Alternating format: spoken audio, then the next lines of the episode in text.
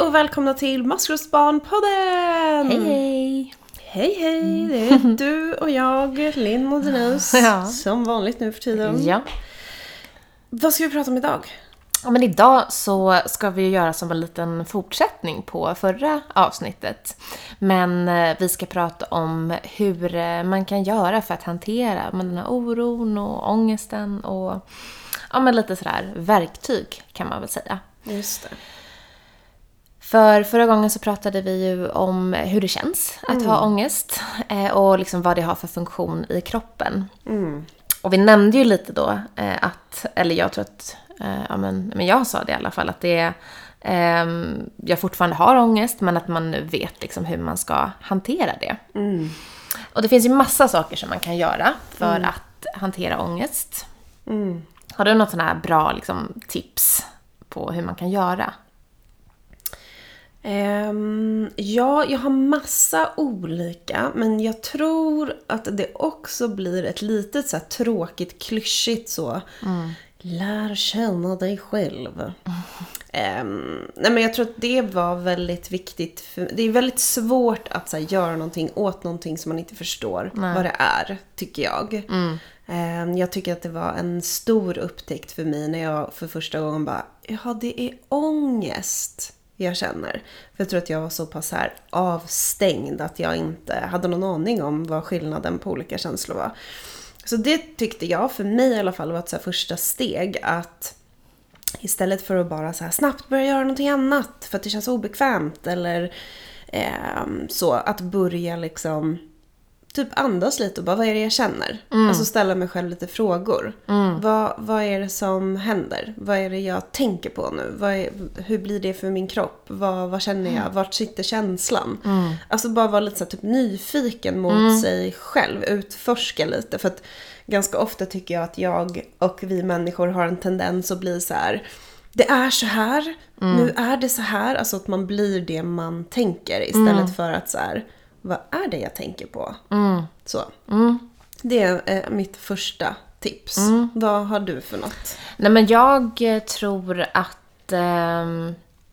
ja, men ibland så brukar det också hjälpa mig att tänka så okej varför känner jag så här nu? Hur uppstod den här känslan? Eh, Vad är det jag känner, tänker och så vidare. Men ganska ofta för mig så eh, är jag liksom så uppe i den här känslan av ångest att jag någonstans behöver ta ner mig själv och behöver liksom pausa innan jag ens kan komma dit att börja tänka de där tankarna. Eh, så för mig så brukar det hjälpa att eh, först distrahera mig själv. Och det där, då kan man ju tänka så här, "Ha, ska man trycka undan sina känslor? Och det är inte riktigt det som, som jag menar då. Utan mer bara att ta sig ur liksom den här ångesten som är så super, super, super stark. Eh, det kan man göra på lite olika sätt. När jag var yngre så brukade jag använda en metod som alla säkert hört talas om, eller alla kanske inte hört talas om den, men man brukar prata om den mycket när man går i terapi. Men att andas i fyrkant. Just det. Jag har aldrig förstått vad det är för fyrkant. Nej, då, då kanske du också får lära dig någonting nu då. Mm. Och varför det är en fyrkant, det sa min psykolog till mig när jag var yngre att det är för att man kan hitta fyrkanter överallt. Alltså vart man än är. Det kan vara ett fönster, en tavla, det kan vara ens mobil. Och det behöver ju egentligen inte vara liksom lika långa. Nej. Ja, Det var min första fråga. Måste det vara en perfekt Ja, fyrkant? precis. Fastnade Man, man vill ju vara perfekt. Nej, men, eh, så där tänkte jag också att det måste vara exakt lika långa kanter. Det kan vara en form som bara har Ja, fyra... alltså syftet är ju att man ska ha någonting att fokusera ögonen på. Okej. Mm. Mm. Så att om vi alla tänker oss att vi har en fyrkant framför oss. Och då går man från ja, men ena hörnet längst ner och så andas man in genom näsan. Och så kommer man högst upp då till sidan längst upp där. Och så går man vidare till nästa hörn och då håller man andan.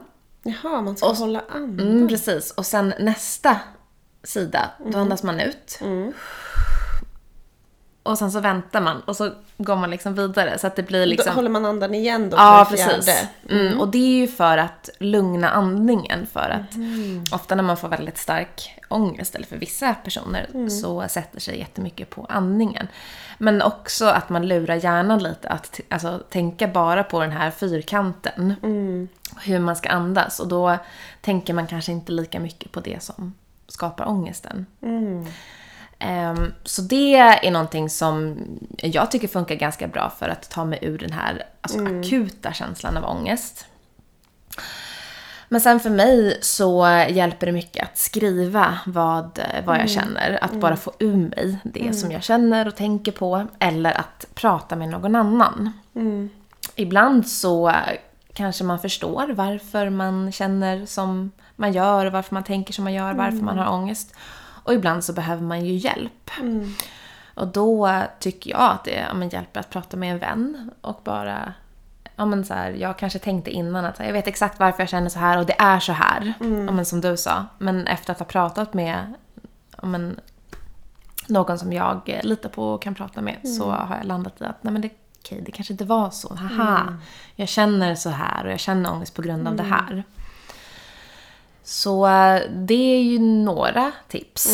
Ehm, Och när man pratar med någon annan så kanske man också kan få lite så här empati. Typ. Mm. Alltså lite att någon är snäll. Att den förstår varför man känner Mm. så. Eller att man kanske kan få höra att så, här, så har jag också tänkt eller känt. Och det kanske inte löser själva problemet. Men det Mm. kanske känns lite mjukare eller schysstare eller snällare. Liksom. man är ofta ganska hård mot sig själv. Ja.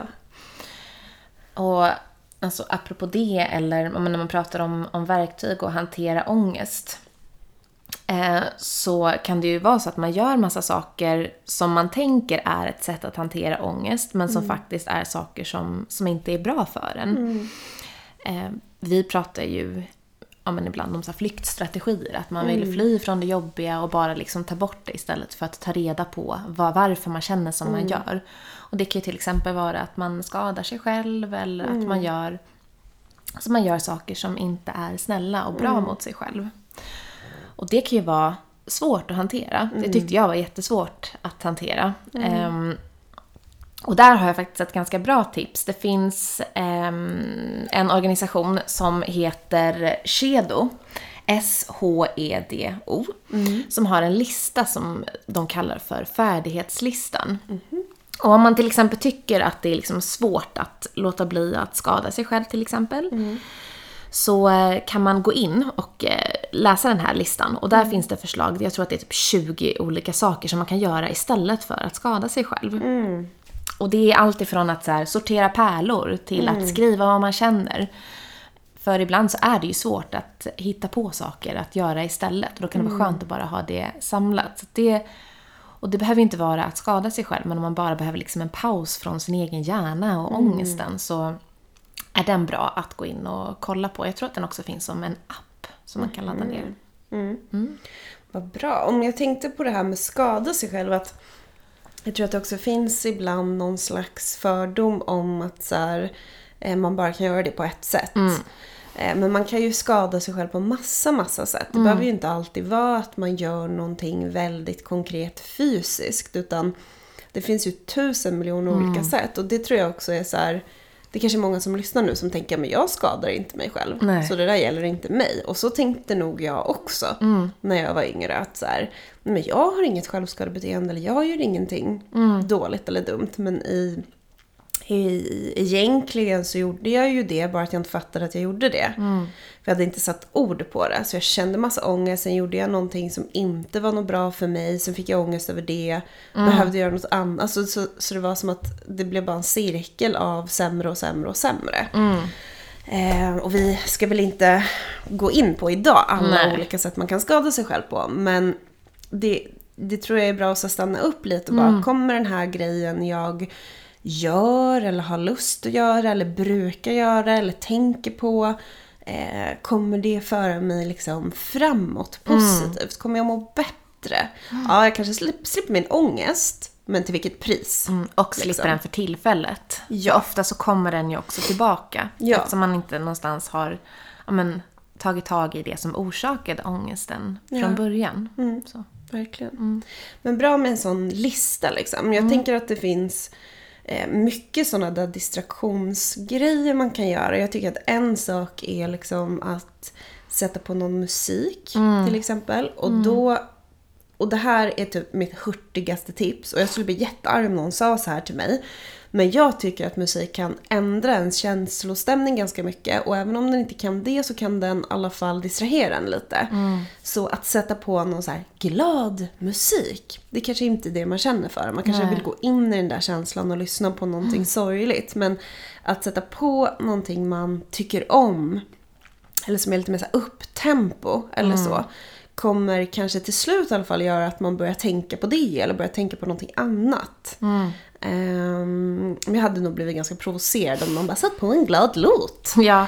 Men det här handlar ju verkligen inte om att vi tänker att så här, strunta i vad det är du känner, tryck ner det. Utan Nej. det är ju, som vi pratade om sist också, det är en jättestor skillnad på att vara arg, alltså känna ilska, känna sorg och ha ångest. Sorg och ilska ska man ju liksom se till att uttrycka eh, på ett tryggt och schysst sätt mot sig själv. Men ångest är ju bara ett malande runt. Liksom. Så det är verkligen skillnad på dem. Ehm, jag tycker också att det funkar ganska bra att typ göra någonting med kroppen. Ehm, Verkligen. För att när man rör på kroppen så pumpas det ut ganska mycket så här må bra hormoner. Alltså typ så här eh, olika endorfiner, alltså signalsubstanser och sånt. Så, och det behöver inte vara någonting jätteaktivt. Men typ byt rum eller res dig upp från sängen eller ta en promenad eller andas väldigt så här, djupt in i magen och behåll luften i magen ett tag. Känn det liksom. Försök eh, göra någonting sånt med kroppen. Tycker jag brukar funka ganska bra. Mm, absolut. Eller ta en dusch till exempel. Alltså liksom distrahera kroppen lite grann. Ja men verkligen. Ehm, Det finns ju massa sådana saker som man kan göra där man någonstans... Det man vill åt är ju att få en paus från ångesten och hitta vad det är liksom som ligger bakom ångesten. Alla de känslorna och få utlopp för dem. Och då är det kanske ibland ja, nödvändigt att få bara komma bort från ångesten först för att den är så himla stark att den tar över. Verkligen. En annan teknik som, som jag tycker är superbra det är att så här, om man kan försöka skjuta upp ångesten lite grann. För ibland kan jag ändå ha tänkt så här. Det är vanligt ju att säga tänk inte på det. Känn inte så. Folk säger ju ganska mycket så till varandra. Så ibland kan ju det leda till att man vill inte prata med någon för att man får ett sånt bemötande som man inte önskar. Ehm, och då kunde jag också ibland tänka att så här, men jag vill ju tänka på det här. Det här är ju jätteviktigt att tänka på. Jag måste ju lösa det här problemet. Liksom. Ehm, men då kan man ju fråga sig själv så här, okej, men nu har jag tänkt på det här i x timmar, dagar, minuter eller hur länge man nu har tänkt på det. Har jag kommit närmare en lösning? Nej. Nej. Okej, men... Och inte då att så här, och då får jag inte tänka på det något mer. För då blir det som när man säger så här, tänk inte på en rosa elefant. Då kommer du bara tänka på en rosa elefant. Men man kanske kan säga till sig själv så här, jag får tänka på det här nu i 10 minuter. Superintensivt. Jävlar vad jag ska tänka på det här. Eller man kan säga, jag får tänka på det här om en timme. Och ibland då är, är det så bra att man har lyckats liksom lura sig själv att inte tänka på det. Ja, Till exempel. Så mycket sådana där små liksom, tankeknep kan man göra också. Verkligen. Och, men en sak som, som brukar hjälpa mig, som kanske inte egentligen är ett verktyg för att hantera det liksom i stunden, eh, men eh, som ändå hjälper mig. Och det är att förstå liksom vad som påverkar mig. Alltså vilka saker i mitt liv kan göra så att jag får mer ångest. Och då mm, pratar jag inte om att så här, det händer jobbiga grejer. Utan det kan till exempel vara så här om jag sover väldigt dåligt till exempel. Men då vet jag att så här, då är det lättare för mig att få ångest. Just det, förebygga Ja, lite. men precis. Eller om, eh, om jag träffar den här personen. Alltså vissa personer kanske man inte mår jättebra av att träffa, men som man ändå behöver träffa av någon anledning. Och då vet jag att okay, men jag brukar alltid få eh, ångest när jag har träffat den här personen. Och nu, nu vet jag att jag har sovit dåligt och då kanske ta hand om mig själv lite mer och vara medveten om det. Och bara att ha det i huvudet tycker jag brukar hjälpa. Eller att nu har jag viss, jag har träffat jättemånga människor eh, och då brukar jag liksom ty- få lite mer, bli lite mer känslig för ångest. Så där är man ju olika. Jag är väl kanske lite så här mer tvärtom att om jag inte får träffa någon så får jag mer ångest. Men, men andra tycker att det är jobbigt att träffa många människor. Verkligen, det finns ju så mycket sånt där um, förebyggande man kan göra. Så som du säger, sova. Jag tycker också äta är superviktigt. Alltså det har varit så många gånger jag har varit arg, irriterad, gråtig, haft ångest eller tyckt liksom att hela livet suger. Och så äter jag och bara, jaha, jag var hungrig. Sen är det ju inte alltid Nej. att man är hungrig när man har ångest. Men man måste typ också ge kroppen lite typ en chans att vara stark. För både liksom hjärnan och eh, hela kroppen samverkar ju med känslorna. Och om kroppen har jättelåg energi och inte har fått någon mat och inte fått någon näring, då har ju den inte så mycket ja, men liksom bränsle, man ska säga, för Nej. att hantera och vara stark för att ta hand om liksom, de här jobbiga känslorna. Så det tycker jag är en bra, bra grej ibland också. Att så här, ät någonting. Mm, verkligen. Om man ska ställa sig de frågorna när man har ångest. Att okej, men om man inte kommer med på liksom vad, vad om det har hänt något eller någon känsla som man har. Eh, utan då istället fråga sig, okej, men kan det vara så att jag inte har sovit så bra eller inte har ätit? Eller finns det något annat som kan påverka det här och som har fått, gjort att jag har fått ångest nu? Men det där tror jag är verkligen en sån eh, jätteviktig grej att lära sig. Och det är någonting man får träna supermycket på. Jag kan inte alltid göra det här. Men att liksom hoppa ur sin hjärna en stund eller ta ett steg åt sidan lite. För så här, man blir ju och är ju sina tankar. Och det är så himla knäppt att vi blir det. För att vi skulle, när vi börjar tänka på Tänk om jag var en alien, då tror ju inte vi jag är en alien. Nu var det världens töntigaste liksom, jämförelse, men ni fattar, vad som helst. Man tänker ju väldigt mycket konstiga saker varje dag. Men vissa tankar blir man. Typ jag är så himla dålig eller allting kommer gå åt helvete. De tror man på väldigt mycket. Medan andra tankar tror man inget på. Nej. Så att ta liksom ett litet steg åt sidan och bara vad håller jag på att tänka på? Eller nu märker jag att jag tänker på det här.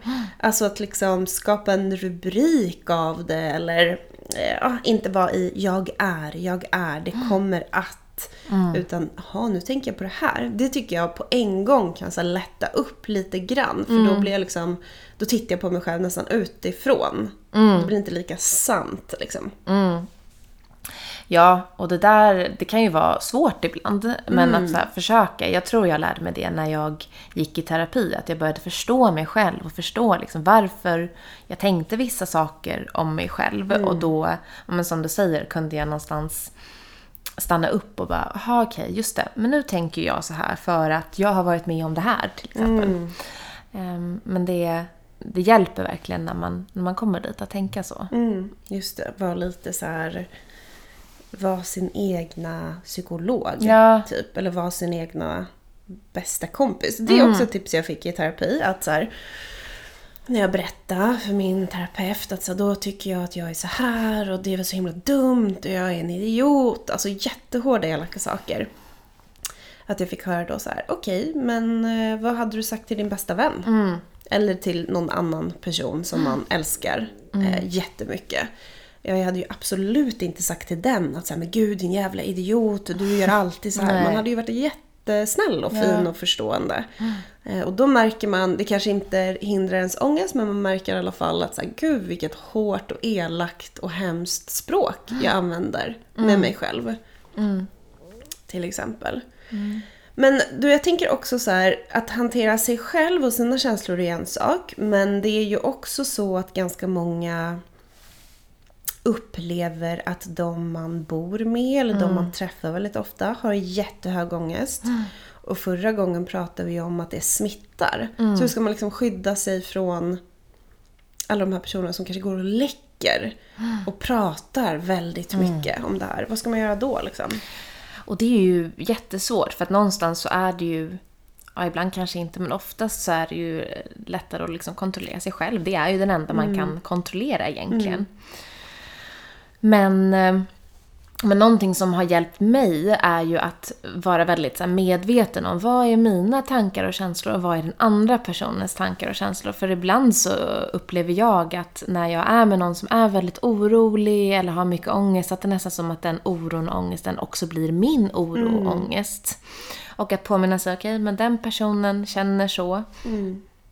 Eh, och liksom så det får stå för den. Och det kan ju vara jättesvårt för att det här är ju oftast en person som man bryr sig väldigt mycket om.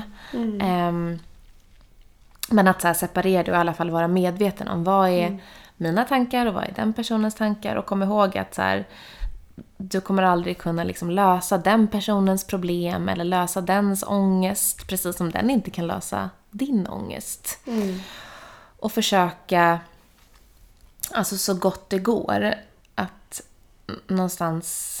Det, det är svårt att hålla sig borta från någon som man bor med. Verkligen. Men, men, men man kanske liksom ändå kan göra vad, vad man kan för att inte hamna i de eh, men så här, jättelånga samtalen kring ångest. Om det går att så här, försöka ehm, ja, men, skylla på att man behöver göra läxorna eller bara alltså, någonting för att komma, komma bort ifrån det, tänker jag. Och det där är ju jättesvårt. Alltså vi är ju liksom byggda för att reagera. Är någon, någon person sur mot oss, då blir vi sura eller oroliga. Alltså så här, vi, vi ska ju på något sätt reagera på varandra för att vi ska känna in. Men det blir ju himla dumt då när vi håller på att reagera så blir det som en dålig spiral. Men eh, det där tror jag är jätteviktigt att så här, vara medveten. Att man kanske kan försöka och det här kanske händer hundra gånger om dagen. Ja. Det, och det här kanske man lyckas göra en av de gångerna. Om ens del så gör man det en gång på en vecka. Då har man vunnit den gången i alla fall. Eh, men att så här, gå in i den situationen, om man ska gå ut till köket till exempel, där man vet att ens kanske förälder sitter som mår jättedåligt. Att försöka så här. Okej, nu ska jag gå ut i köket, situationen är så här och så här. Jag känner så här och så här, den känner så och så. Alltså göra någon typ av liksom analys. Ehm, och så blir man lite, lite, lite mer rustad kanske. För då förbereder man sig kanske på den här personens eh, känslostorm som kommer. Och försöka upprepa det typ i huvudet. Var medveten att så här, eh, det här är den personens känslor som pratar. Det har ingenting med mig att göra. Eh, och det kanske man bara lyckas göra i två minuter innan man liksom dras in i något samtal eller sådär. Men då har man vunnit två minuter. Och så här, också samtidigt lärt hjärnan en strategi. Och samma sak som du sa så här, att kanske efter ett sånt samtal om man känner massa olika saker, att så här, försöka vara lite detektiv typ. Okej, vad är det jag känner? Vad sa den? Ja, den sa så här och så här. Det påverkar mig på det här och det här sättet. Att vara lite så här fyrkantig och analytisk med sig själv. Verkligen. Och någonting annat som jag tänker på just i den situationen som vi är i nu och som vi ja, har varit inne på att det är ja, men i tidigare avsnitt att så här, det är väldigt mycket åsikter just nu och mycket liksom skulle vilja säga så här, mycket, mycket teorier också som kanske inte alltid är faktabaserade utan kanske mycket egna teorier. Eh, och jag eh, växte upp med en förälder som hade väldigt många liksom, egna teorier. Och nu när jag är vuxen så vet jag att så här, nej men okej, det där stämmer inte och jag kan någonstans ta det lite med en nypa salt. Men, men när jag var yngre så var det där liksom, det var verkligheten och då trodde jag verkligen att det var så. Och det gjorde ju mig superorolig. Och det tänker jag också så är viktigt att ha med sig att okej, så här, vad, vad kommer den här informationen, precis som man, med information som man läser på nätet, så eh, bara för att någon säger en sak så betyder ju inte det att det är sant. Ehm, utan det kan ju vara någonting som den personen har hört och som personen den har hört ifrån också har hört. Verkligen. Och så eh, ändrar man historien lite för varje mun den kommer igenom. Ja, men precis. Och så har liksom egna känslor lagts på så att det blir super, super starkt. Det tror jag är viktigt också att eh, ha med sig. Att inte det låter så himla klyschigt också, tro inte på allt du hör. Men att det blir ännu viktigare i en sån här situation för att det är så många som tycker så mycket om samma sak. Verkligen. Och, och det där är ju någonting som alla tjatar om hela tiden med så här källkritik, källkritik. Att så här, jag tycker absolut att det är rimligt att man vill inhämta lite så info om så här, vad fan är det som händer. Vad är det som pågår. Men att verkligen tänka så här, okej, hämtar jag den här infon på typ Flashback eller från eh, personer som skriker väldigt högt, typ på sociala medier. Eller hämtar jag den från ja, experter Ja. till exempel. Det är ju stor skillnad. Och jag tror apropå det, för nu tycker jag att man översköljs ju som vi sa för några gånger sedan. Att så här, ja, man pratar, eh, varenda samtal man har, alla pratar om det här och det påverkar hela samhället och man själv tänker på det. Men att vara så här, man kan också säga, åh gud kan vi snälla inte prata om det där. Ja. Jag mår så dåligt över det där. Kan vi inte prata om något annat? Det får man ju säga. Ja. Verkligen. Och också vara så här, ja jag får kolla nyheterna en kvart Mm. varje dag. Eller jag får ägna en timme åt det här. Mm. Och allt annat scrollar jag förbi för det har jag bestämt. Det är min liksom Mm. eh, nyhetskollstid. Och sen räcker det. Ja, men verkligen.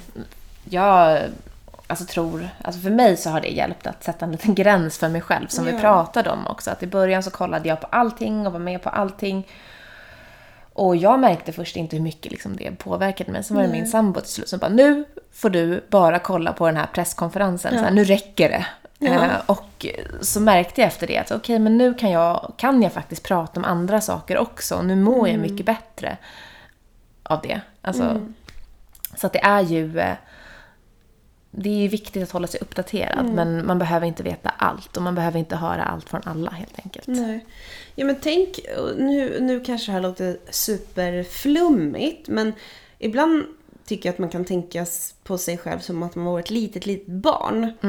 Typ, tänk att du har ett lilla syskon eller någonting som är typ tre år och du vet att så här, eh, lägger den handen på plattan kommer den bränna sig. Liksom. Eh, typ som det kan vara eh, när man tittar på massa nyheter eller pratar med massa folk om det här. Eller något annat. Det här behöver inte bara vara corona. Det här kan vara vad som helst som man vet får en att må dåligt.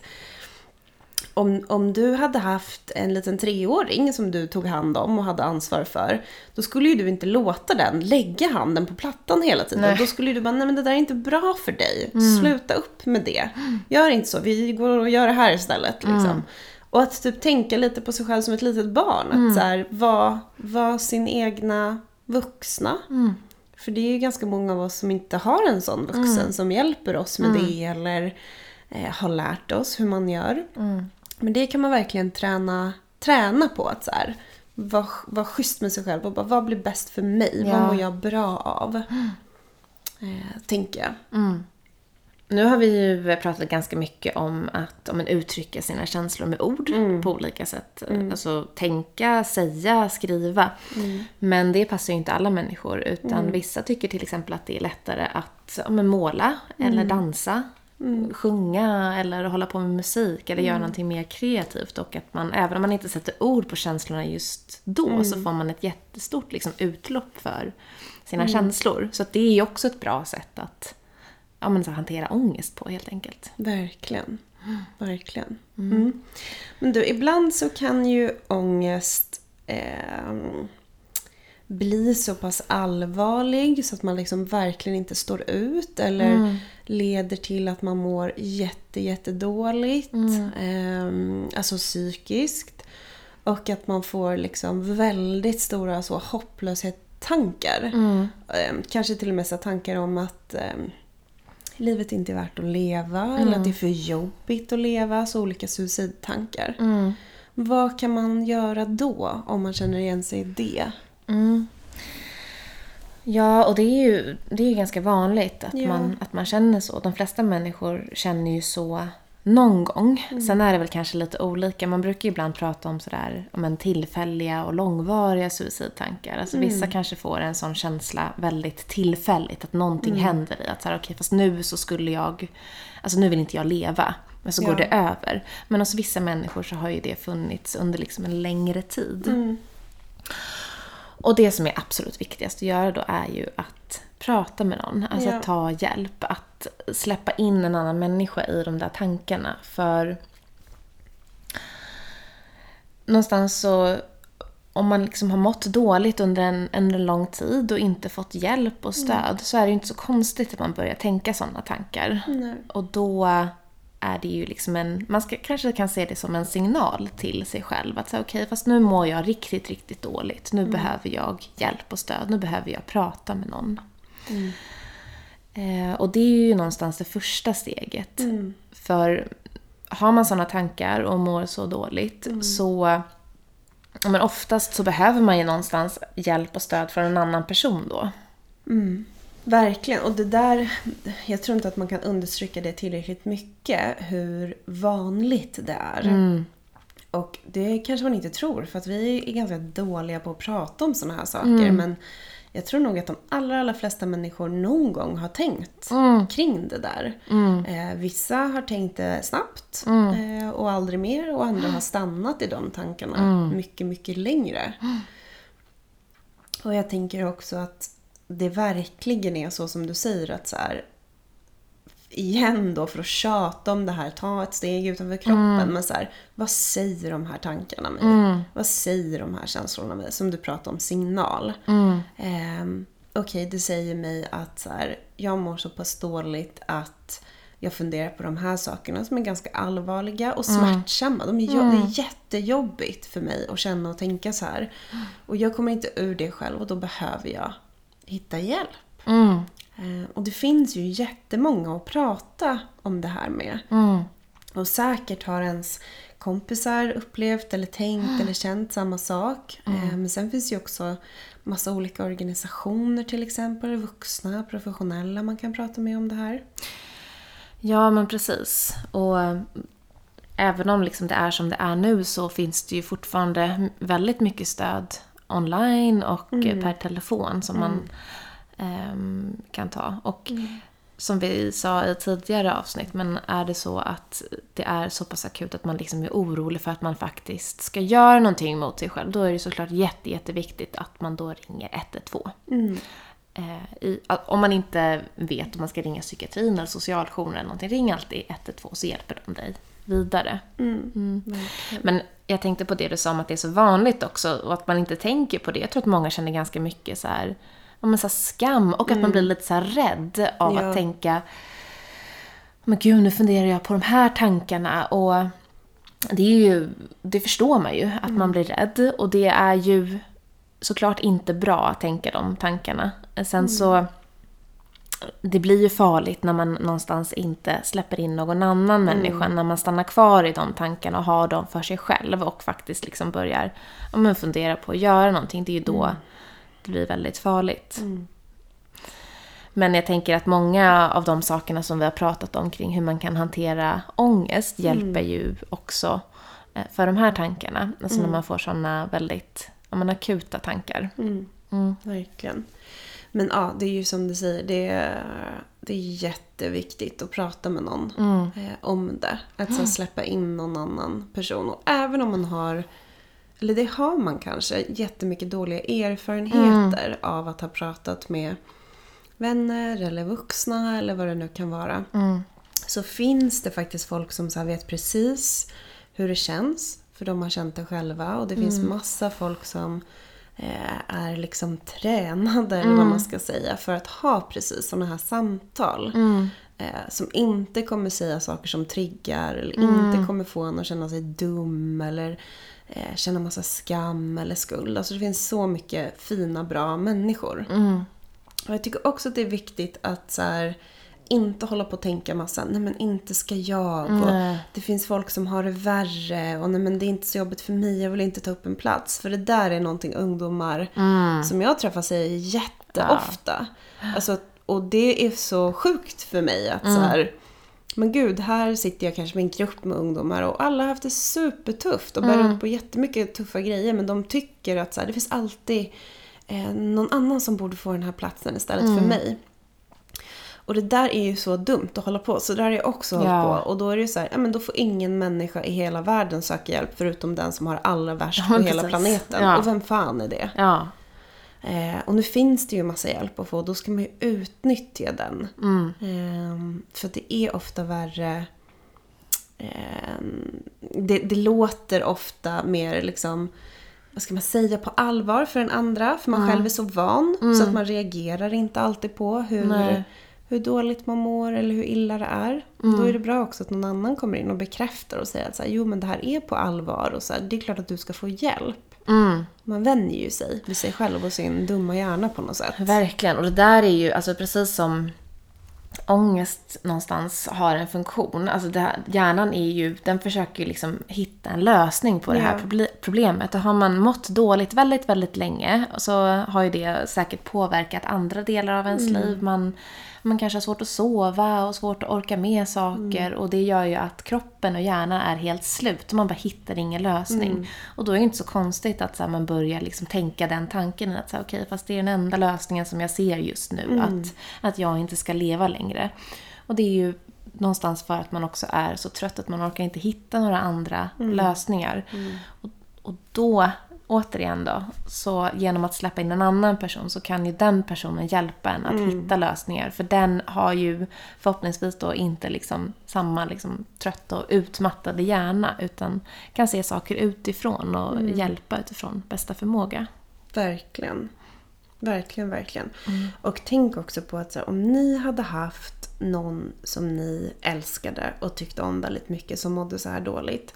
Då hade ju ni blivit så inte att man blir glad när någon berättar någonting hemskt. Men ni hade ju känt Gud vad bra att du berättar och jag vill jättegärna hjälpa till. Och man hade känt sig viktig och värdefull. Och att man får ett förtroende kanske.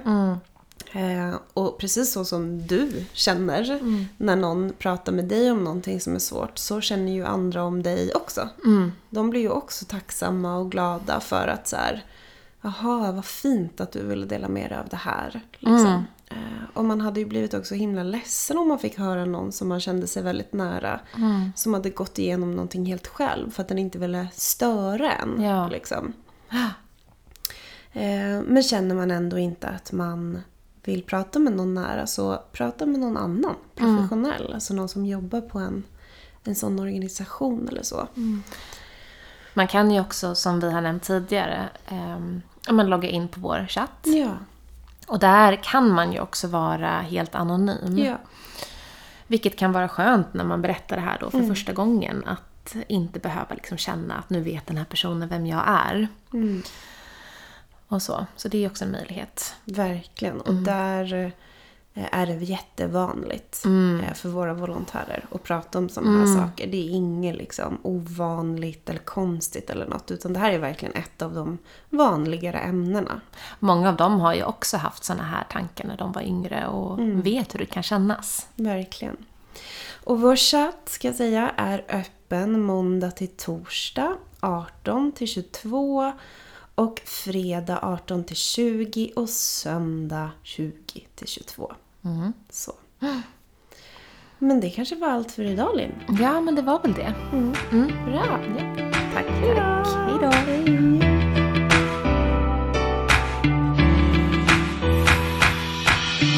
Du kan klättra så högt som du vill Det är ditt liv, ingen annan säger till Sikta mot toppen, dit du vill nå Fortsätt att kämpa, du vet att det går Du kan klättra så högt som du vill ditt liv, ingen annan säger till. Sikta mot toppen, dit du vill nå. Fortsätt att kämpa, du vet att det går. Det finns så mycket skit som händer hela tiden. Men vi är skapta för att överleva livet. En svår uppväxt med rädsla och hat. Men vi var för små för att kunna slå tillbaks. Gått igenom smärta och tårar dag för dag. Men vi lever än idag för vi är maskrosbarn Vi kämpar för att kunna ta oss vidare. Vi är starka, tillsammans är vi krigare. Vi borde inte skämmas, vi ska vara stolta. För det finns folk som inte fattar hur vi orkar. Vi ska kämpa, vi ska klara. För maskrosbarn är vi födda till att vara. Ett maskrosbarn slutar aldrig kämpa. De försöker fast de kan få vänta. För det är det som gör oss starka och unika. Enskilda individer olika men ändå lika. Du kan klättra så högt som du vill. Det är ditt liv, ingen annan säger till. Sikta mot toppen, dit du vill nå. Fortsätt att kämpa, du vet att det går. Du kan klättra så högt som du vill. Det är ditt liv, ingen annan säger till. Sikta mot toppen, dit du vill nå. Fortsätt att kämpa, du vet att det går. Jag vet att det känns så försök att blicka fram. Finns ju för att kunna ta hand om varann. Känner liknande känslor om hur kärlek blev hat När dagarna blev tunga bestod av skrik och prat om det är en tröst har vi gått i samma spår. Även som det känns som ingen annan förstår Måste vrida in och ut på det som är ditt liv. Tänka efter vad du vill så du i hjärtat känner frid. Skapa dig en framtid, du är värd att må bra. Kolla på Therese och vad hon blivit idag. Hon har varit som du, legat i botten på ett hav. Men kämpade sig upp och skapade maskrosbad Hennes ord är så sanna, precis som hon sa. Även om man mått väldigt dåligt kan man må väldigt bra. Vi vet att du klarar, vi vet att du kan. Det är aldrig för sent, bara greppa någons hand. Du kan klättra så högt som du vill. Det är ditt liv, ingen annan säger till. Sikta mot toppen, dit du vill nå. Fortsätt att kämpa, du vet att det går. Du kan klättra så högt som du vill. Det är ditt liv, ingen annan säger till. Sikta mot toppen, dit du vill nå. Fortsätt att kämpa, du vet att det går.